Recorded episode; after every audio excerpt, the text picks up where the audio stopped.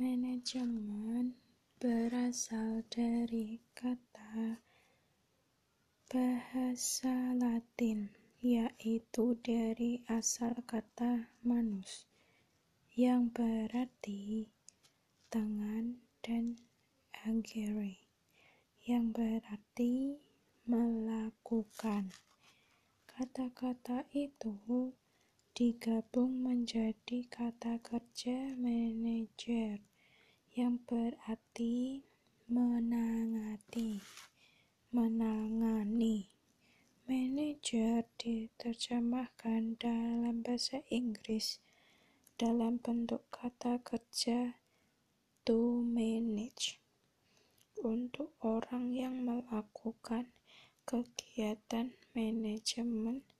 Akhirnya, manajemen diterjemahkan ke dalam bahasa